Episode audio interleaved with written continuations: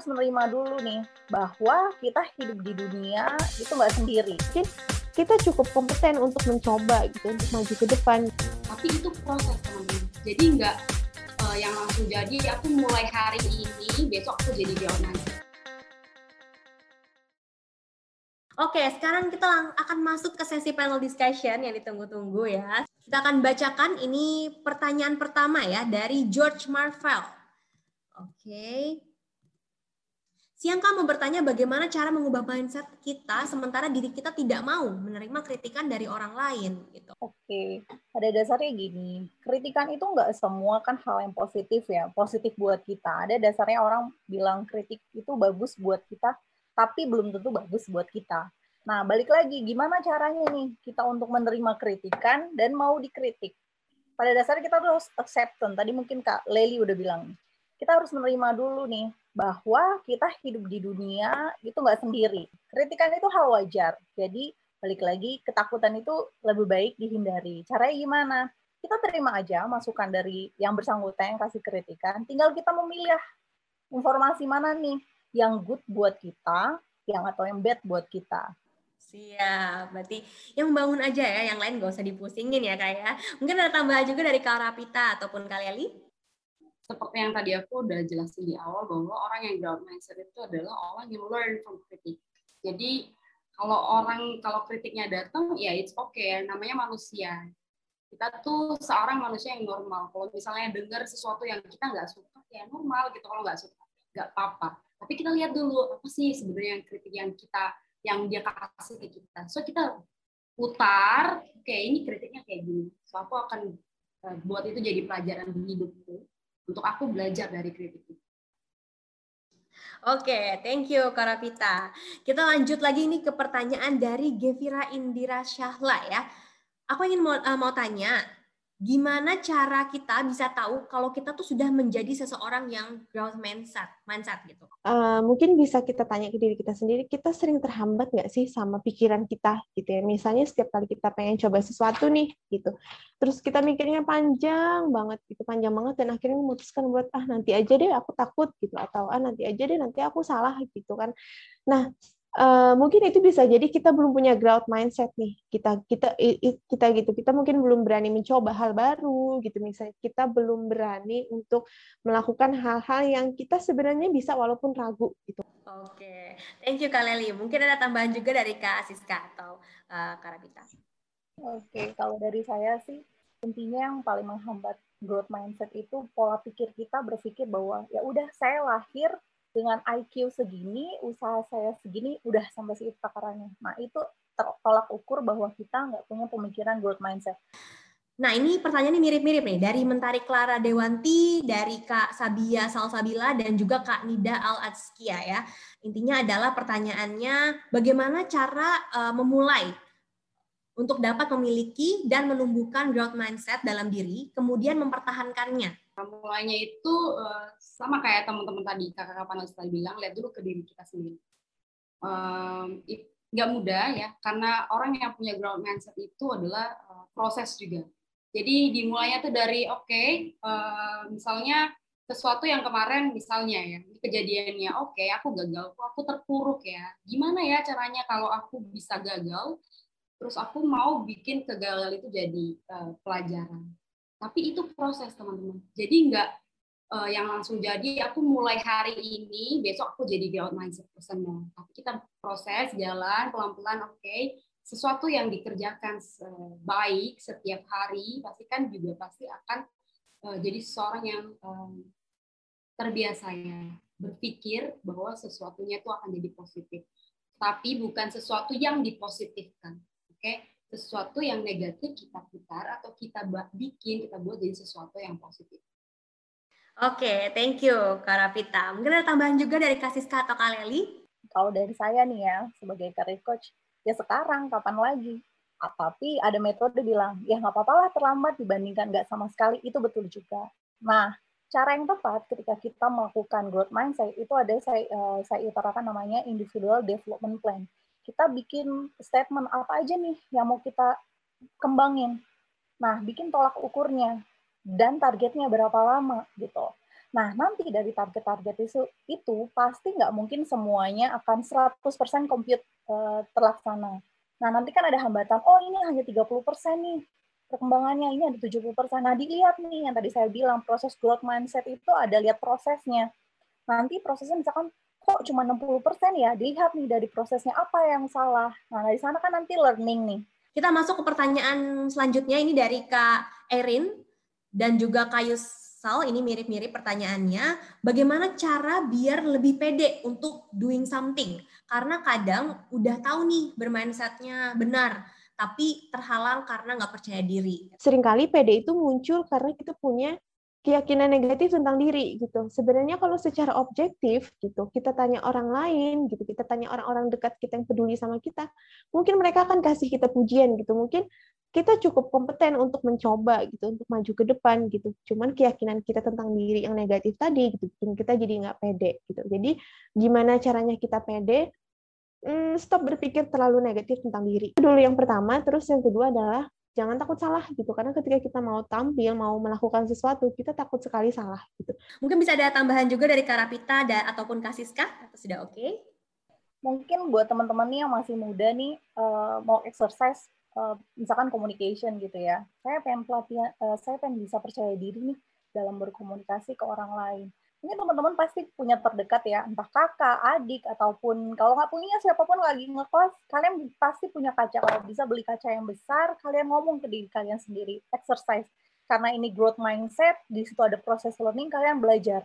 Pertama belajar dengan kaca dulu, baru dengan orang terdekat, baru belajar ke lingkungan eksternal kalian. Seperti itu.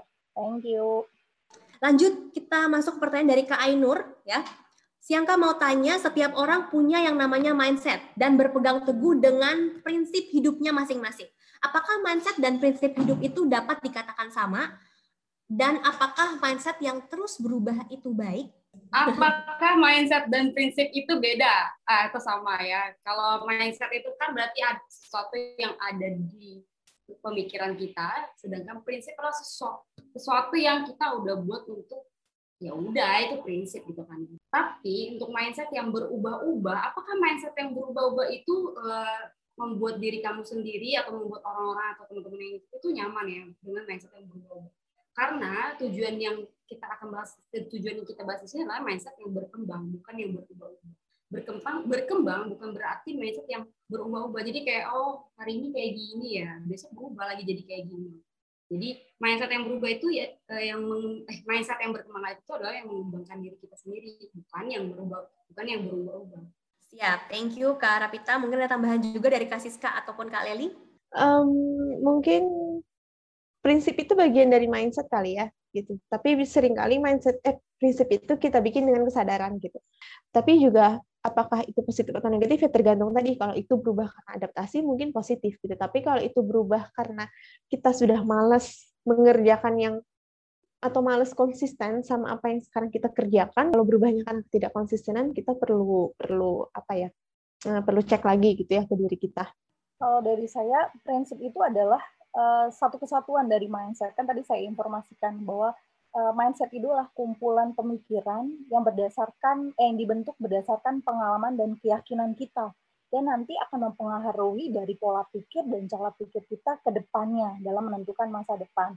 Terus bagaimana nih kalau misalkan kita punya mindset yang berubah-ubah?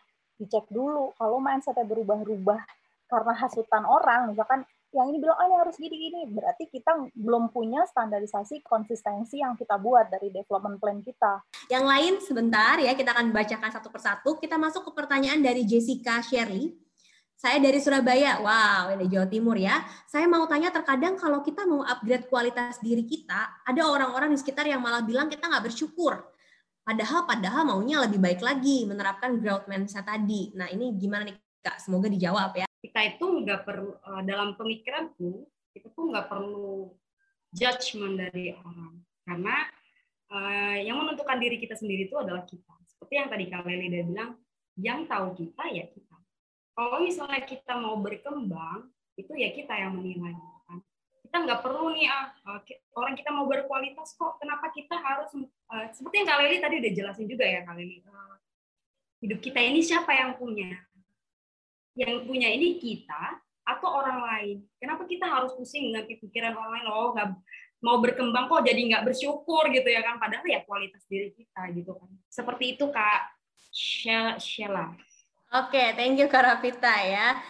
Oke, okay, mungkin bisa ada tambahan lagi dari Kak Siska atau Kak Leli atau sudah cukup?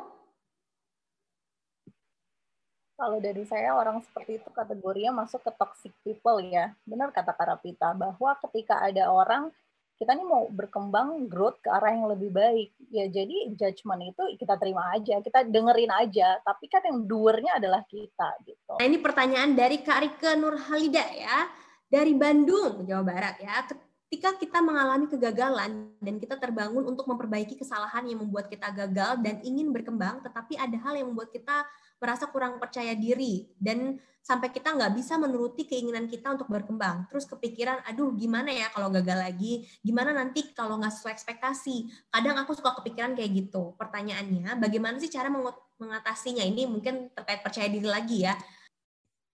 Oke, okay. uh, eh, karena pernah gagal jadi takut gagal lagi ya. Memang ya kayak tadi di penjelasan, uh, otak kita itu sukanya yang gampang gitu. Kalau kita tuh pernah gagal, kalau kita misalnya pernah jalan-jalan di satu tempat ketemu ular gitu ya terus besok-besok kita diajak jalan ke tempat itu kita nggak mau lagi itu karena kemarin ketemu ular padahal bisa jadi kalau kita datang di hari yang berbeda ya nggak ada lagi ularnya gitu tapi buat otak kita oh gampang pengalaman yang sama itu untuk dipakai untuk nanti ke depan menghadapi apa gitu disamakan semuanya nah jadi itu cara gampang buat otak kita kita nggak perlu mikir nah di sini tantangannya ketika kita mau mengembangkan diri tantangannya di situ tuh jangan sampai uh, otak kita milih cara yang gampang gitu untuk untuk untuk berpikir gitu. Kita harus analisis gitu kan apalagi kegagalan ya gitu. Wajar sekali sebenarnya terjadi gitu. Tapi sangat ditakutkan. Kita perlu analisis kegagalan itu terjadinya karena apa sih? Kira-kira dari diri kita kurangnya apa? Oke, thank you Kak Leli. Nah, ini uh, berhubungan dengan tadi faktor eksternal dan lain-lain. Ini ada pertanyaan lagi selanjutnya dari Kak Ulfa ya, uh, dari Unisma Bekasi. Apakah growth mindset ini sama dengan open minded? Lalu apakah seseorang yang memiliki growth mind growth mindset ini dapat terlihat dari luar? Dan adakah faktor eksternal yang mempercepat growth mindset kita? Oke, sama nggak sih sama open minded? Ya sama mungkin ya gitu dalam arti ketika kita open minded artinya kita juga melihat menerima berbagai peluang gitu menerima berbagai peluang menerima berbagai perbedaan gitu mungkin menerima berbagai opini-opini gitu kan pendapat-pendapat dan nggak perlu merasa terganggu oleh itu. Iya, oke. Okay. Thank you, Kak Leli. Mungkin ada tambahan nih dari Kasiska dan juga Kak Rafita. Kalau dari saya, open mind itu adalah bagian dari growth mindset. Ketika kita sudah growth mindset, otomatis pikiran kita nih bisa menerima nih apa saja yang ada di tampak uh, internal maupun eksternal. Terus kalau yang tadi tidak percaya diri, ya balik lagi kalian exercise dicoba gitu terus tantangan kak saya jatuh saya nggak nggak lulus dalam perkembangan ini apa yang saya lakukan? Lihat hambatannya tuh apa aja. Kira-kira faktor penghambatnya apa saja? Ketika sudah tahu faktor penghambatnya apa saja bikin solusi nih. Kira-kira kita evaluasi. Faktor penghambat yang bikin kita gagal adalah ini ini ini. Evaluasi ini apa yang bikin ini? Dan dan buat solusinya apa? Kita punya plan A plan B. Dan nantinya kita kita ke depan di masa depan punya pengalaman ini kita udah punya ibaratnya uh, peluru gitu. Oh ini bisa saya tahan nih karena saya udah pernah ngalamin seperti itu. Oke kita masuk ke pertanyaan dari Azirah ya. Gimana caranya membangun growth mindset untuk orang yang mempunyai masalah mental atau mental illness kak? Apakah sama saja atau ada perbedaannya? Mungkin dari Kak Rapita dulu nih kak. Sama samanya itu kayak gini. Namanya ada perlu latihan.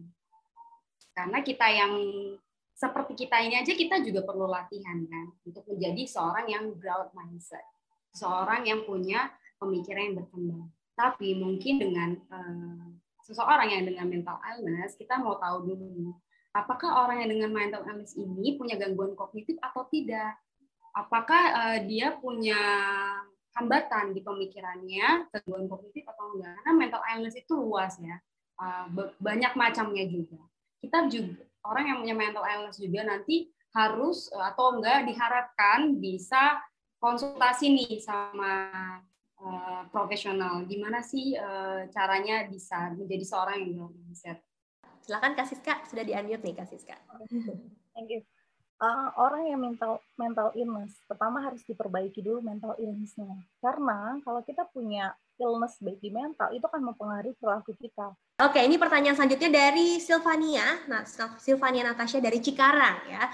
Bagaimana sih Kak tips self healing dengan growth mindset karena rasa insecurity seseorang ataupun mental down akibat bullying?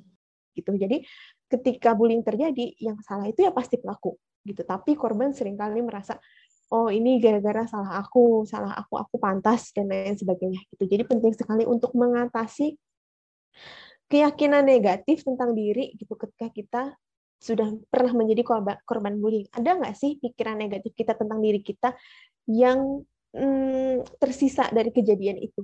Gitu. Kalau ada, berarti itu perlu diatasi gitu. Kita perlu melihat diri kita secara objektif gitu.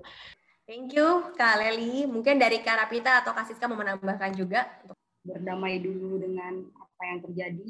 Jadi kita berubah ya mindsetnya atau point of view-nya jadi berubah. Habis itu kalau kita udah lihat itu udah berdamai, kita pasti bisa kok self healing dengan growth mindset. Oke, okay. thank you Kak Rapita. Ya, untuk Kak Siska mungkin ada tambahan lagi? Uh, kalau saat ini saya, bagi orang teman-teman yang merasa pernah dibully, jangan lupa untuk ceritakan ke orang yang terdekat. Karena salah satu self-healing bagi korban bully adalah menceritakan. Di situ adalah uh, cara untuk membantu diri kita sendiri untuk berdamai dengan diri diri kita sendiri. Oke, okay. thank you Kak Siska. Ya, itulah tadi ya teman-teman ya sesi panel discussion-nya. Mungkin untuk teman-teman yang masih ada pertanyaan lainnya nanti bisa langsung direct message langsung nih ke para panelis kita hari ini. Jadi mungkin kakak-kakak bisa di-share Instagramnya nih kak di kolom chat box supaya tadi nanti uh, banyak sekali pertanyaan juga yang tadi belum sempat uh, terjawab gitu ya. Tadi juga ada yang resen, ada Olivia. Sorry banget karena waktu kita untuk panel discussion juga sudah habis gitu ya. Akhir kata kami juga ingin mengucapkan terima kasih banyak ya teman-teman buat uh, para panelis juga pastinya nih yang terutama menyempatkan waktunya berbagi juga sama kita semua ada Karapita, ada Kasiska, ada Kaleli juga gitu ya. Thank you juga kepada media partner keren hari ini ada Light Pillar, informasi webinar dan juga webinar all. Dan juga sponsor kami yang luar biasa ada dari Spirit Psychology Center dan juga Tumbuh Insight yang sudah mensupport acara hari ini. Terima kasih juga kepada teman-teman semuanya yang sudah hadir mengikuti mengikuti webinar hari ini. Semoga bisa bermanfaat untuk kita semua. Mohon maaf apabila ada kesalahan kata ataupun kesalahan teknis yang lainnya gitu ya. Terima kasih dan sampai jumpa di webinar keren lainnya. Tentunya jangan lupa follow Instagram keren di @krenindonesia ataupun Facebooknya di Keren Entertainment Indonesia. Jangan lupa untuk reach me out juga. Thank you. See you next webinar and stay safe. Bye-bye.